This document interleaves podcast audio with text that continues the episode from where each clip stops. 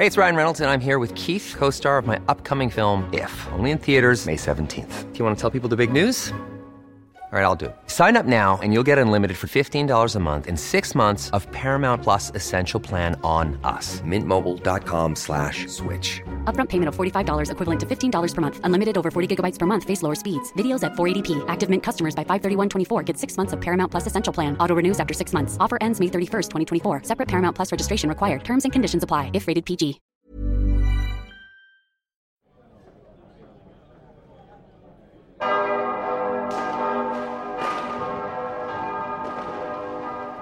Ring!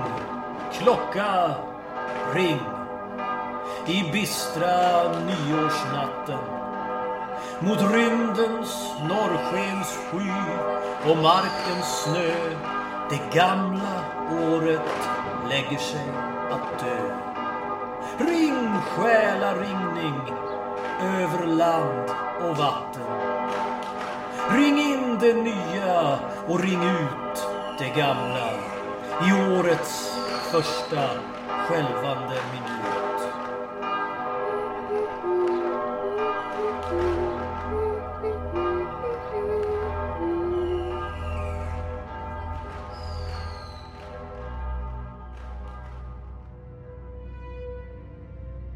Skräckstunden.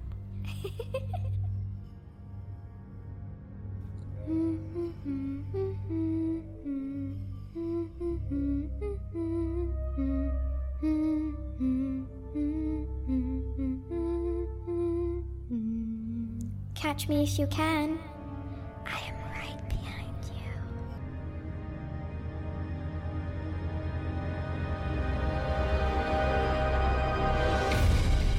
Skräckstunden.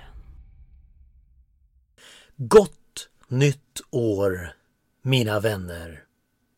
Jag heter Emil Eriksson och det här är Skräckstunden.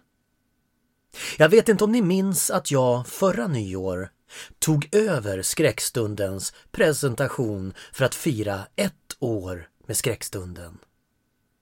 Ja, oavsett om ni gör det eller inte så är jag nu tillbaka för att fira tvåårsdagen.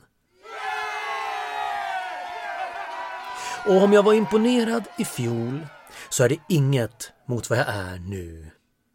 Veronica tog under sitt första år och gjorde fantastiska resultat med sin älskade podd.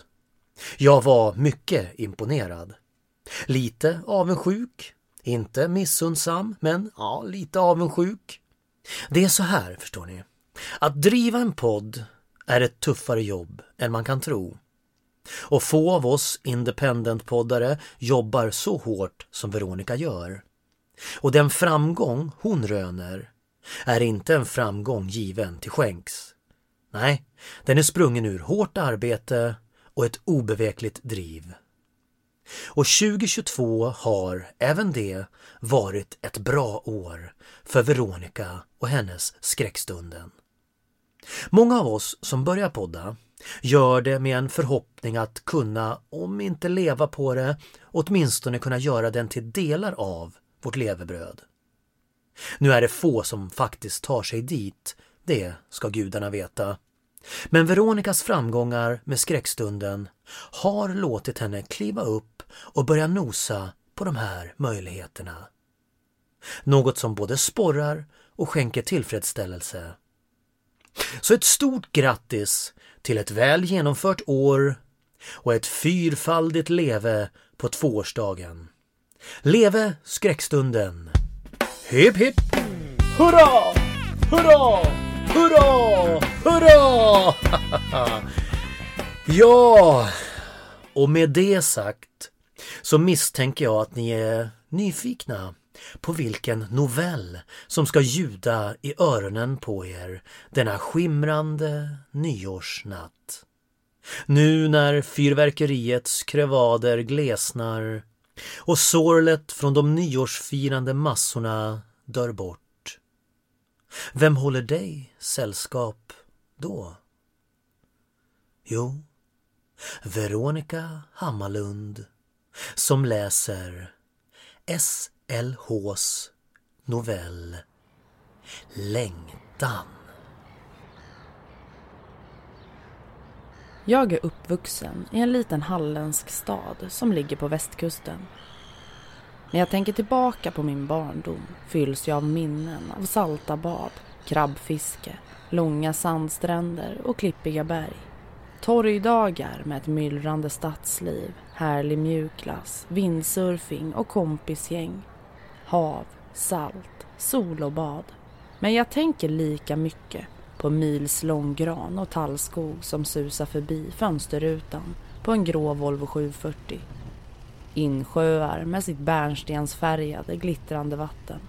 Lingonris som växer precis intill den heta asfalterade vägkanten eller en grusig, dammig landsväg. Men kanske framför allt gamla timmerhus som är målade i klassiskt falurött. Mygg och knott och de där förbannade bremsarna som bitt så jävligt. Ja, brems, så sa man i längtan i alla fall. Och såklart farmor och farfars sommarstuga.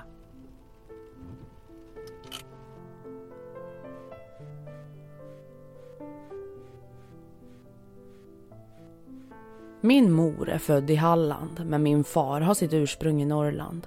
Och med Norrland menar jag nästan allra längst upp i norr. Där skogarna är oändliga och byarna glesbefolkade. Det var tradition att första dagen på sommarlovet packa farmor och farfars gråa Volvo full av väskor och mat som vi skulle ha med oss till sommarstugan i norra Sverige. Farfars barndomshem. Mina föräldrar var tvungna att jobba hela somrarna så det var bara jag och min stora syster som åkte i sällskap av farmor och farfar. Innan varje avfärd påminde farfar alltid med viss stolthet i rösten att endast att fara upp till stugan skulle ta exakt 100 mil. Mamma lovade att skicka brev till oss i mitten av sommaren och att vi inte skulle längta ihjäl oss alldeles för mycket. Varje sommar ville farmor packa bilen så att man knappt såg ut genom rutan. Och för varje väska farmor lyckades trycka in tog farfar ut minst två. Detta bråkade de sen om i minst 90 mil. Farmors älskade katt Moa skulle såklart också följa med. Moas päls var kolsvart och hon hade klargula ögon. Moa var rätt egensinnig och gillade egentligen inte mänsklig kontakt. Men eftersom jag var en sån djurvän var jag överförtjust i att Moa skulle med oss på semester. Om man hade tur fick man klappa henne i ungefär 30 sekunder innan hon la öronen bakåt och sprang sin väg. Sommarstugan, som i själva verket var ett stort timrat hus i två plan, hade varit farfars barndomshem och i familjens ägor i minst 200 år. Farfar var mycket stolt över att han byggt ut en veranda till det väldiga huset och den löpte längs med hela husets framsida.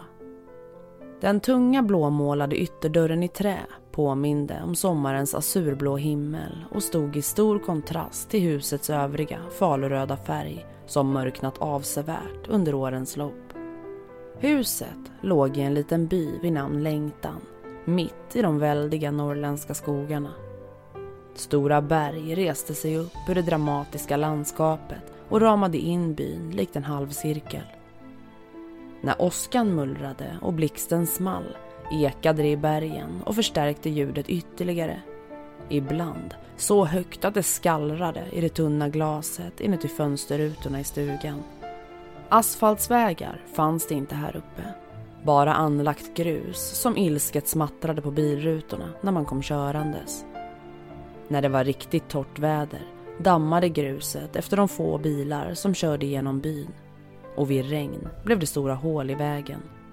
Farfar berättade att det tog så lång tid som till mitten av 40-talet att ens få en grusväg till byn.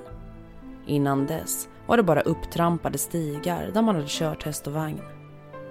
Längtan låg verkligen helt avsides från civilisationen. Även för en norrländsk by. Redan som barn la jag märke till hur landskapet förändrades mer och mer dramatiskt ju fler mil vi tog oss uppåt i landet.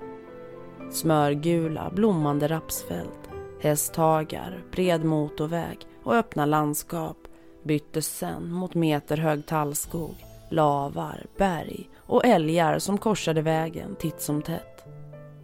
Eftersom vi åkte hundra mil enkel väg blev det många stopp under en dag i bilen. Jag kommer särskilt ihåg ett stopp vi hade någonstans i mellersta Sverige längs med en enslig väg kantad av tallskog på båda sidor. Vi hade stannat för att lätta på trycket och jag vandrade in i den täta tallskogen för att hitta ett ställe att kissa på. Jag gick tills jag bara kunde ana bilens konturer bakom mig och hukade mig ner. När jag satt där, mitt i tallskogen, blev jag plötsligt varse om hur tyst det var.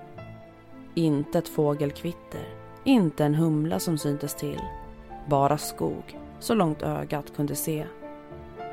Det var mitt i sommaren och över 20 grader, men mitt i skogen var det kallt. Huden på mina armar knottrade sig. Jag tittade runt omkring mig där jag satt och möttes bara av väldiga trädkronor ovanför mig med långsmala bruna stammar. När jag var på väg att resa mig upp och gå tillbaka till bilen fastnade min blick på något som stack ut ur den annars brungröna miljön omkring mig. Precis vid kanten av min sandal låg ett jättelikt kranium. Benvitt och alldeles intakt med väldiga horn. Jag reste mig upp tvärt och flämtade till. Hur hade jag kunnat missa att se den här enorma älgskallen? Jag blev illa till mods. Nackhåren reste sig på mig och jag skyndade mig tillbaka till bilen.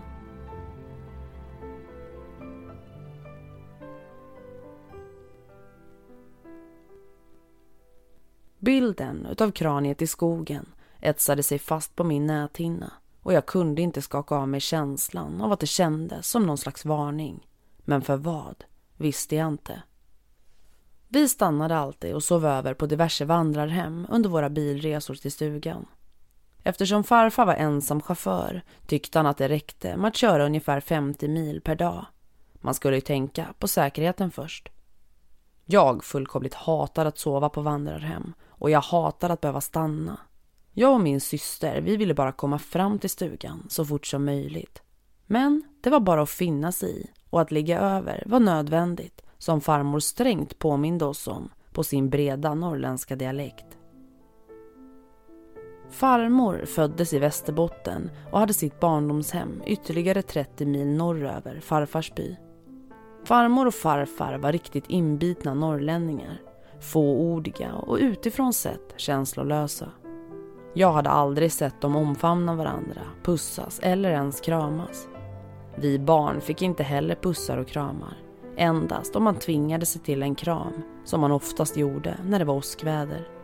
Det var ingenting jag reflekterade över riktigt som barn. Det var bara så det var. Farmor blev irriterad när vi grät och längtade hem. Men även ifall farmor verkade kall och hård så tog hon hand om oss med största omsorg. Hon lagade alltid mat från grunden, riktig husmanskost. Tvättade våra kläder, bäddade våra sängar, städade, pysslade om oss och skötte om oss. Hon gav oss badrockar när vi duschat och både kammade och flätade mitt långa hår så att det inte skulle bli några tovor. Kärleken fanns där allt. Den uttryckte sig bara inte i fysisk kontakt utan i handlingar.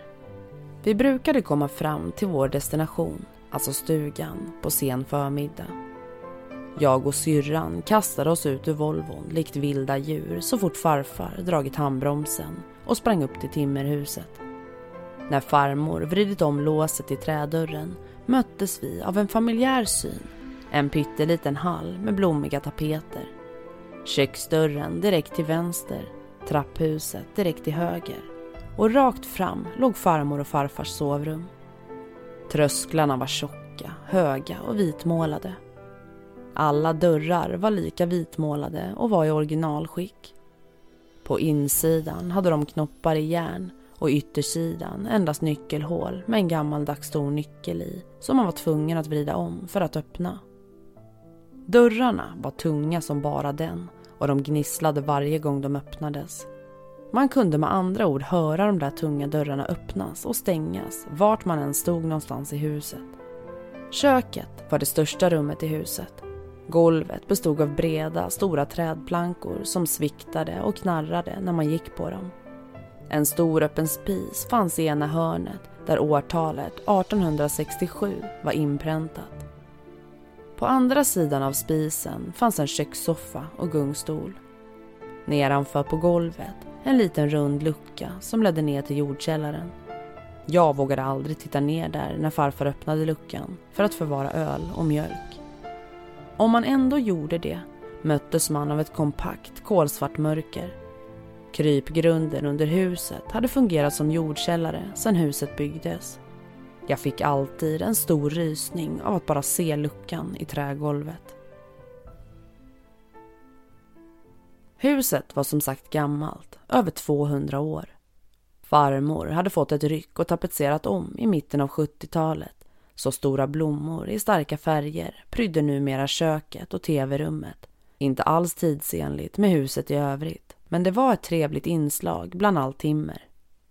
Alla rum hade inte tapeter överallt och i mitt och syrrans sovrum fattades det tapeter på några ställen. Vårat rum kallades för prinsessrummet och låg direkt bakom farmor och farfars sovrum. Alla rummen hade kakelugnar och även ifall de inte var i bruk längre så smyckade farmor ut dem med diverse krimskrams. Vårt rum hade rosa tapeter och en dubbelsäng i trä med en väldig sänghimmel av vit tyll som hängde ner runt om den höga sängramen. Det var genomskinligt så det gjorde ingen större skillnad under natten. Sommarnätterna blev inte mörka i Norrland och det märktes i vårt rum också. Jag och syrran brukade ändå släppa ner tyget längs sängen när det var läggdags. Det kändes som att vi var två prinsessor som låg där, omgiven av vit tyll och rosa tapeter. Det kändes varmt och tryggt på något sätt. Jag brukade ofta fantisera om att jag var en prinsessa som sov mitt i ett väldigt hav av rosa och vita rosor precis som det prydde tapeten i sovrummet. Varje morgon skulle vi barn duscha och våra badrockar och badlakan hängde prydligt på de krokar som löpte längs med himmelsängens fotända. Eftersom huset var så gammalt fanns det i början ingen toalett inne i huset och än idag stod det lilla utedasset i trä i utkanten av tomtgränsen precis intill skogsbrynet. För att gå dit var man tvungen att inte bara ta sig ut ur huset men också gå en bit i meterhög sly för att ens komma fram. Väl där inne fanns en stor emaljbalja som farmor fyllde med vatten varje morgon och fungerade som handfat. Där fanns också en liten bit torkad tvål och en sliten spegel. Intill själva dasset låg lådan som innehöll mull och en skopa att gå in där och öppna dasslocket för att mötas av samma kompakta mörker som i jordkällaren i köket skrämde mig oerhört. Det där gapande svarta hålet kändes olustigt och det riktigt knöt sig i magen på mig. Jordkällare som utedass, jag var livrädd. Farmor tyckte att jag var urlöjlig och jag fick snällt uträtta mina behov på utedasset ändå. Att stiga in där i högsommarvärmen efter att farfar har varit där inne en längre stund var heller ingen höjdare.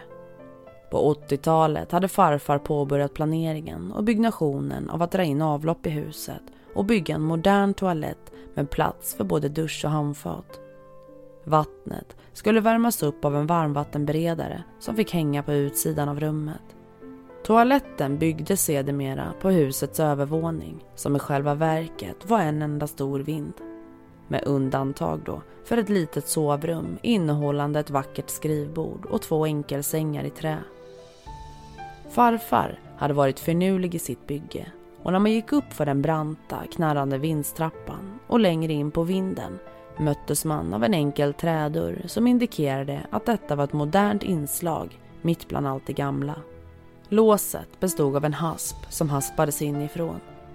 Där inne fanns ett litet handfat, en duschkabin och ett träbord fyllt av farmors färgglada papiljotter, men ingen toalett. Längst in i rummet fanns en grönmålad trädörr där farfar hade låtit bygga in toaletten i ett eget litet rum.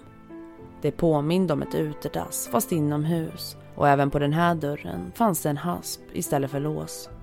Farfar var ingen snickare eller byggherre utan hade arbetat som lastbilschaufför fram till sin pension. Han byggde därför hellre än bra. Farfar hade antagligen haft problem att sätta upp en hållare för toalettpappret inne på WC då det gapade ett stort runt hål rakt genom väggen i toabåset. Hålet var inte större än en pingisboll och satt i höjd med ens axel när man satt ner på toaletten.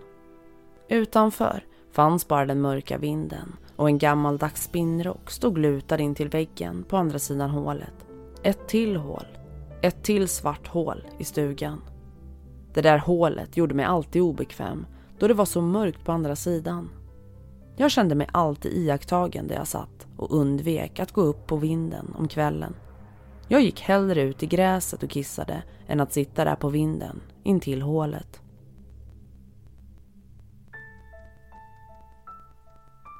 Farfar tyckte att det var dumheter att jag inte vågade gå upp dit om natten och avfärdade mig när jag sa att det var obehagligt. Jag tyckte i och för sig att hela övervåningen var obehaglig. Det kändes inte lika mysigt där uppe. Kanske var det avsaknaden av tapeter, att endast de nakna timmerstockarna prydde golv till tak eller att i trappen upp till vinden hade någon eller några ristat in sina initialer med tillhörande årtal rakt på timmerväggen. Det tidigaste namnet var daterat år 1787. Farfar sa alltid med stolthet i rösten att den väggen var ett bevis på att vår släkt levt i huset från generation till generation. Det var som en gammaldags klottervägg med andra ord. Bokstäverna och siffrorna i träväggen var snirkliga och ibland svåra att avläsa. Speciellt eftersom jag var ett barn och inte hade övat så mycket på skrivstil. Jag brukade lägga mitt pekfinger i spåren av initialerna och följa bokstävernas kurvor för att lättare kunna utläsa vad det stod. När jag följt tre namn som var daterat 1803 stannade mitt finger på ytterligare en symbol i väggen.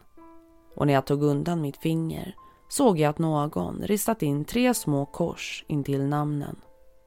Jag tyckte att min nya upptäckt var kuslig då jag inte kunde komma ihåg att jag sett de här korsen i väggen förut. Men på vinden befann jag mig ändå rätt ofta. Det var hem till en gammaldags tågbana som jag lekte flitigt med under dagtid. Rummet var stort men hade bra ljusinsläpp eftersom två stora fönster löpte längs med rummets yttersta vägg. Jag kunde leka med tågbanan i flera timmar där uppe på vinden och ibland kom Moa in och jamade åt mig för att sen gå sin egen väg igen.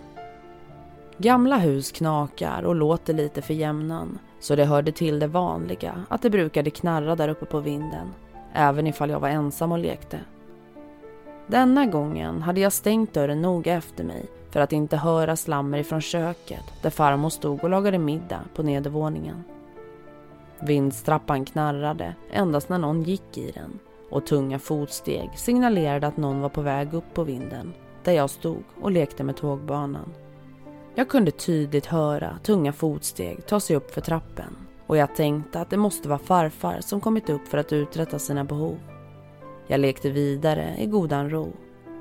Det var inte ovanligt att någon kom upp då och då för att gå på toaletten och sen gå ner igen. Men efter en stund hade jag fortfarande inte hört att någon spolat och blev fundersam. Jag kunde ju höra steg utanför dörren samt hur den tunga nyckeln i dörren vreds om. Så det var ju någon som helt klart gick runt på vinden. Ibland krånglade varmvattenberedaren och då kunde farfar bli långvarig för att reparera den. Annars var jag så gott som ensam på vinden. Jag öppnade dörren försiktigt och den svängde upp med sitt vanliga knarrande. Jag tassade sen ut, bort mot duschrummet. Hey, it's Ryan Reynolds and I'm here with Keith, co-star of my upcoming film If, only in theaters May 17th. Do you want to tell people the big news? All right, I'll do it. Sign up now and you'll get unlimited for $15 a month in six months of Paramount Plus Essential Plan on us. Mintmobile.com slash switch. Upfront payment of $45 equivalent to $15 per month. Unlimited over 40 gigabytes per month. Face lower speeds. Videos at 480p. Active Mint customers by 531.24 get six months of Paramount Plus Essential Plan. Auto renews after six months. Offer ends May 31st, 2024. Separate Paramount Plus registration required. Terms and conditions apply if rated PG. Hiring for your small business? If you're not looking for professionals on LinkedIn, you're looking in the wrong place. That's like looking for your car keys in a fish tank. LinkedIn helps you hire professionals you can't find anywhere else, even those who aren't actively searching for a new job but might be open to the perfect role. In a given month, over 70% of LinkedIn users don't even visit other leading job sites. So start looking in the right place. With LinkedIn, you can hire professionals like a professional. Post your free job on linkedin.com slash people today. det var tomt och släckt. Konstigt. Jag tänkte för mig själv att syrran kanske ändå varit på toaletten men att jag varit för inne i min lek för att inte höra när hon gick ner igen. I samma stund som jag skulle vända mig om och gå tillbaka till min lek och tågbanan så började hjulet på spinnrocken att snurra. Sakta till en början, men sen fortare och fortare. Jag stod som förstenad och såg på när hjulet snurrade till synes helt av sig självt. Hjärtat bultade hårt i bröstkorgen och jag kände mig plötsligt iskall längs ryggen. Detta kändes för konstigt. Min trans bröts först när farmor tappade en kastrull i köket på nedervåningen som gjorde att jag vände mig om och sprang för mitt liv.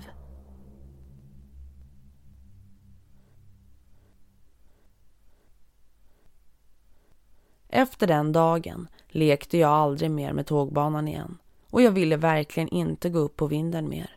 Endast när jag blev tvingad av farmor. Jag blundade när jag duschade och jag blundade vid varje toabesök. På andra sidan hålet stod ju den där förbannade spinnrocken. Mina sommarlovsveckor i Norrland började kännas som en plåga. Det var inte så kul längre att vistas där uppe. Efter en lång diskussion med farfar åtgärdade han problemet med det gapande svarta hålet på toaletten och den pryddes sedermera med silvertejp.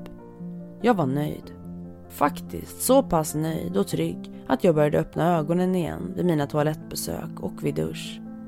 Men det är klart, vindstrappan hade börjat knarra varje natt numera och fotsteg hördes på vinden vid nattetid när övriga familjemedlemmar sov djupt. Detta skrämde mig oerhört men jag kunde inte dela med mig av mina upplevelser till varken farmor eller farfar. Spökerier var bara trams. Huset är gammalt, knarr och ljud hör till. Det var det enda farmor sa när jag gång på gång berättade hur skräckslagen jag var. Jag fullkomligt hatade att toaletten låg på vinden. Om natten gick det bra att gå ut i gräset, men inte på dagen. Tills en kväll då farmor gav mig ett varningens finger. Jag svalde min rädsla och gick upp på den där förbannade vinden ändå. Jag letade febrilt efter en någorlunda logisk förklaring till varför spinnrocken börjat snurra. Men min tioåriga hjärna kunde inte komma på en enda. Dagarna flöt på och vardagen i huset återgick till det normala igen. Inget konstigt hade hänt och fotstegen om nätterna hade jag vant mig vid. Farmor hade satt in en dassbok på toaletten och jag läste skämt om Bellman, norsken och dansken som jag gärna återberättade flitigt när tillfälle gavs. Så en dag, när farmor och farfar hade tagit Volvon för att fara till affären satt jag försjunken och läste ett skämt om Bellman och drottningen på toaletten. När det plötsligt började krafsa i väggen. Eller det var så det lät. Jag kunde inte lokalisera ljudet och hängde tillbaka boken på sin krok. Jag tittade mig omkring i det fyrkantiga lilla rummet och sen vidare upp på taket. Ljudet blev högre och nu lät det som att någon skrapade mot något. Det var då det slog mig. Krafsandet i väggen lät ännu högre nu. Mitt huvud rörde sig långsamt i riktning mot det övertejpade hålet i väggen. Min blick fastnade på silvertejpen som farfar hade satt framför hålet. Tejpen var bucklig och pressades mot mig med ett prasslande ljud. Mitt hjärta dunkade hårt i bröstkorgen. Tejpen spändes hårt och någon på andra sidan väggen försökte gång på gång peta in sina fingrar i hålet. Fingrarna försökte tränga igenom tejpen. Plötsligt blev tejpen helt stilla. Inga ljud hördes. Jag andades hastigt ut med rädsla i bröstet. Jag tog några djupa andetag och blundade, räknade till tio, försökte lugna ner mig. När jag slog upp mina ögon igen så trycktes plötsligt tejpen mot mig i full kraft och krafsandet återupptogs, nu i full styrka. Jag skrek för fulla muggar på min syster att hon skulle sluta med att skrämmas, att det inte var det minsta roligt. Aktiviteten upphörde igen. Jag andades åter ut och drog på mig mina byxor. Pulsen återgick till det normala Men jag hade fortfarande en klump i magen.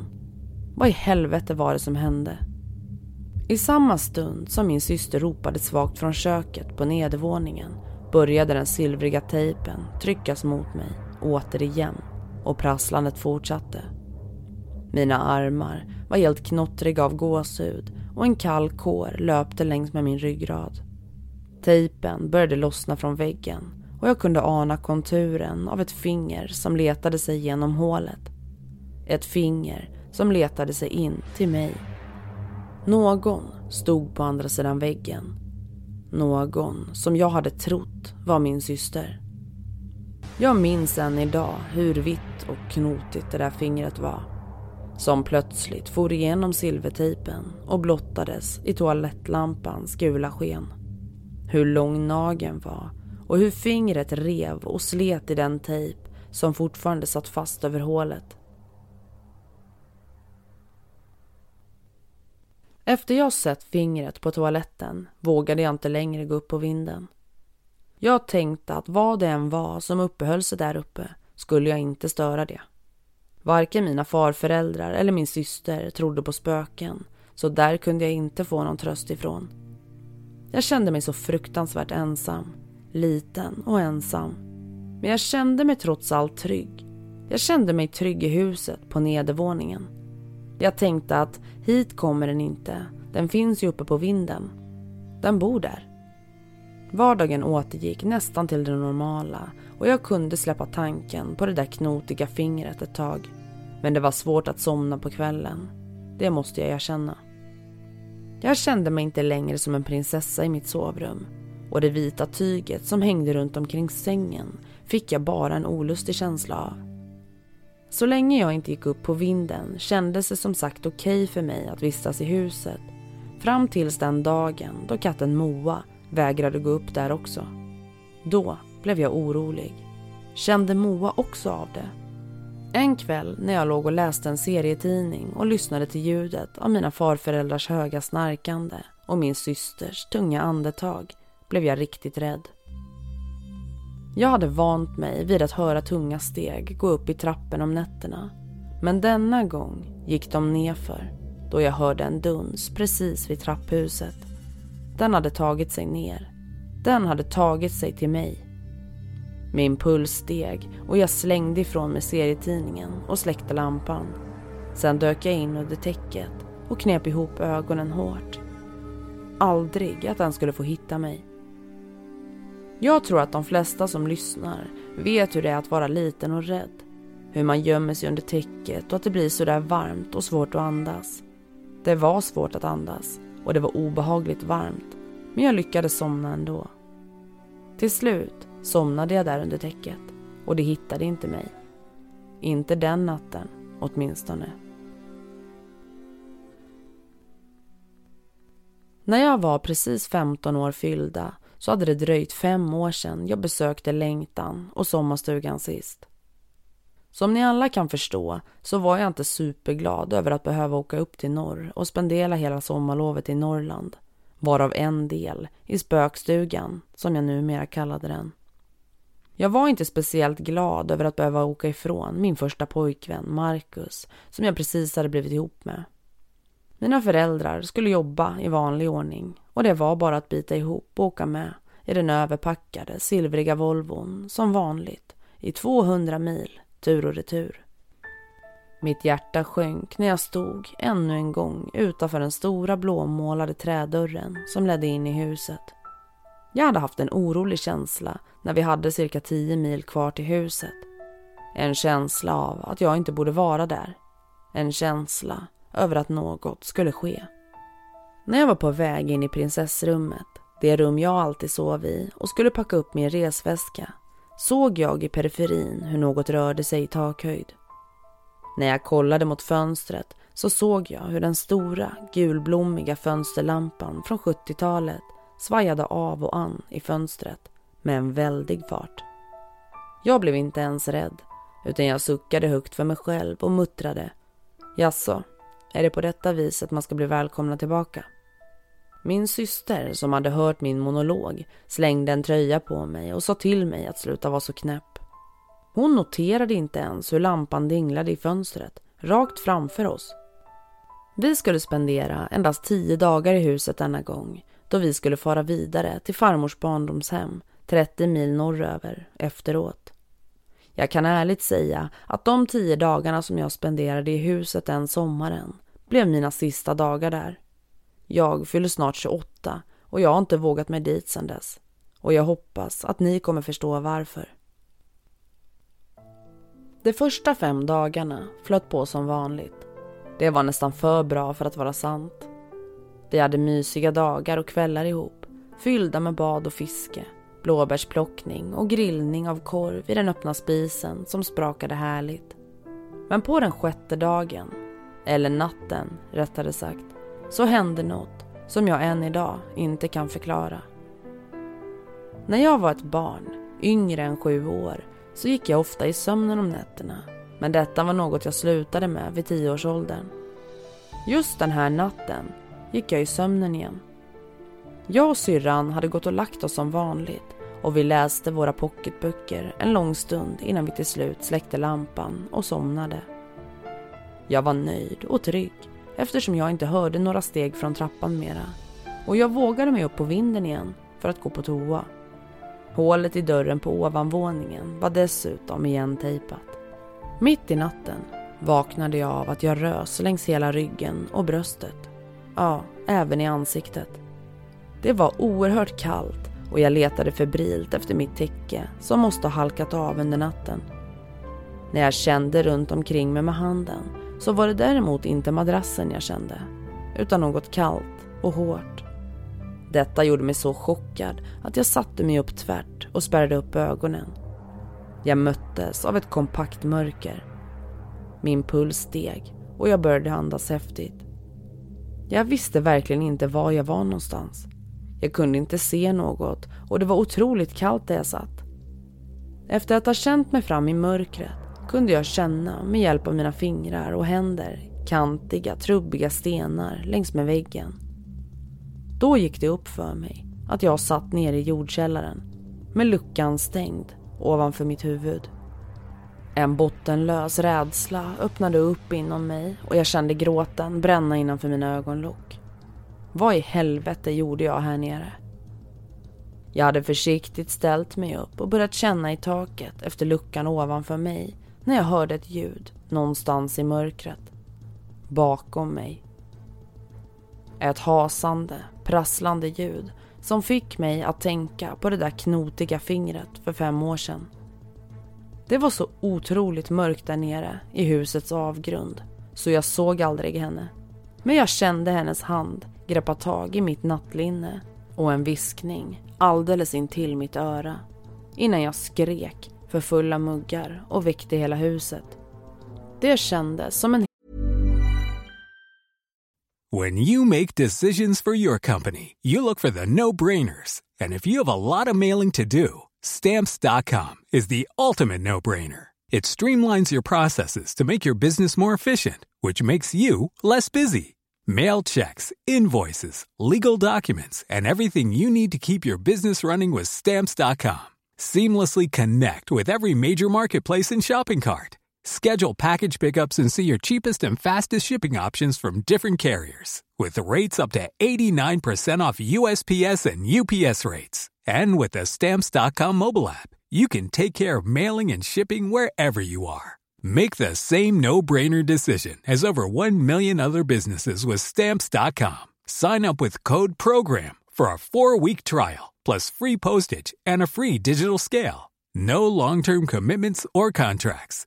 That's stamps.com. Code program.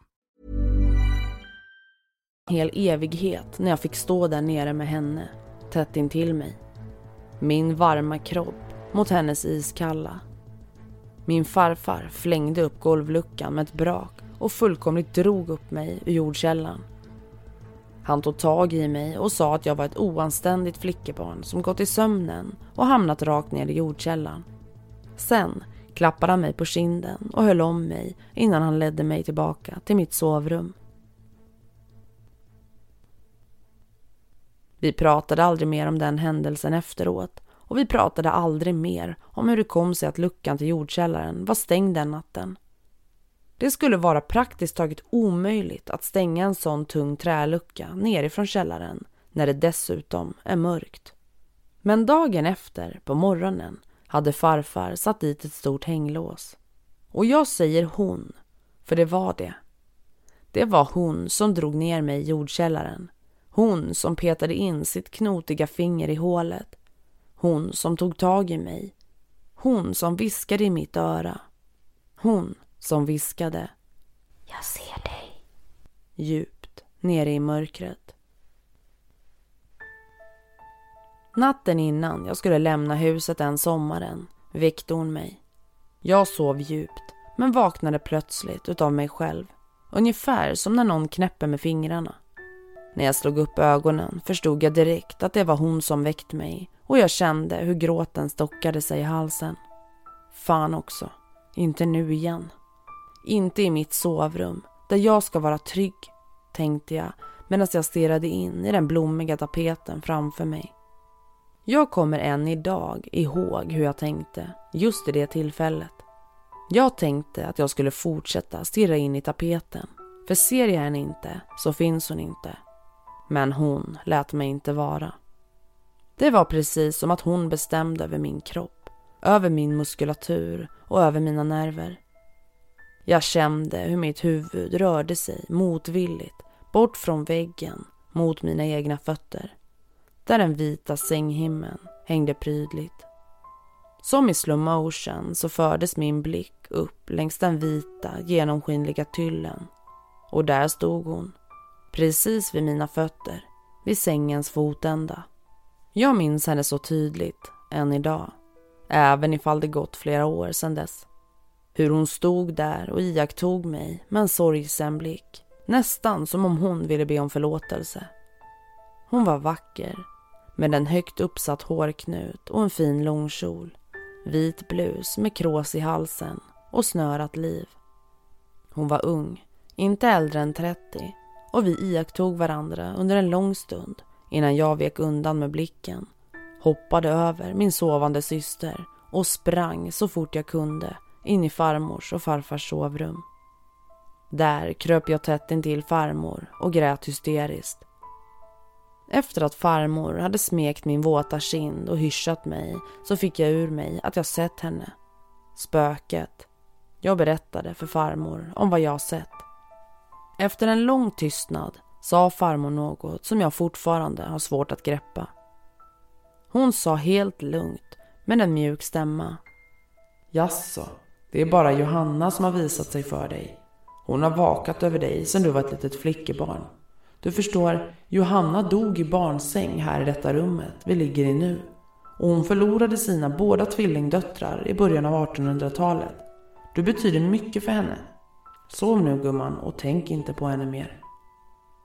Men det gjorde jag. Hur kunde jag inte tänka på henne? Det har gått upp för mig i vuxen ålder att det är Johanna och hennes tvillingbarn som är inristade i väggen. Som har tre små kors vid sidan av deras namn. Min mamma har sedermera berättat för mig att jag alltid var aktiv som barn och att när jag endast var ett år gammal och var uppe i stugan med dem ofta skrattade och log för mig själv när jag var ensam i min spjälsäng. Jag kan inte undgå att tänka på om det var Johanna som fick mig att skratta. Om Johanna har funnits vid min sida ända sedan barnsben för att hon förlorade sina egna barn så hastigt och sorgligt. Förstår ens Johanna att hon är avliden? Och om hon är god och har fungerat som min beskyddare under alla år i huset, vem var då kvinnan i jordkällaren?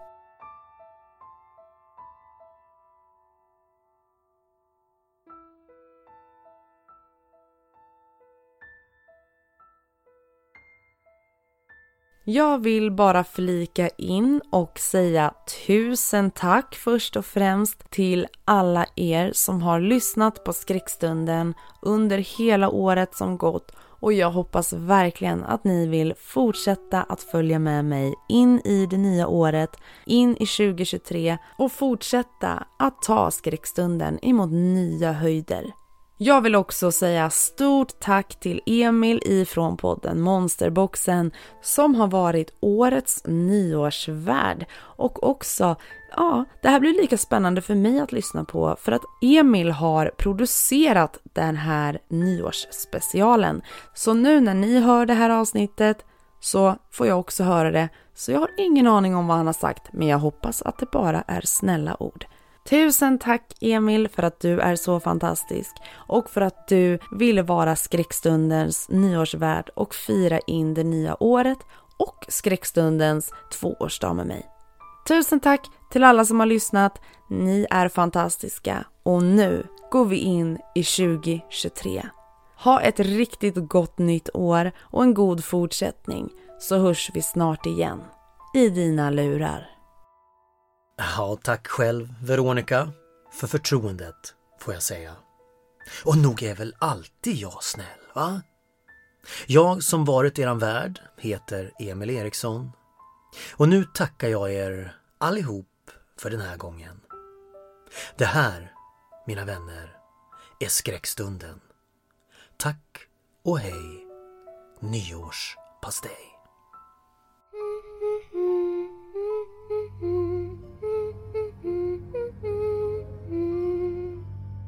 Du har lyssnat på Skräckstunden.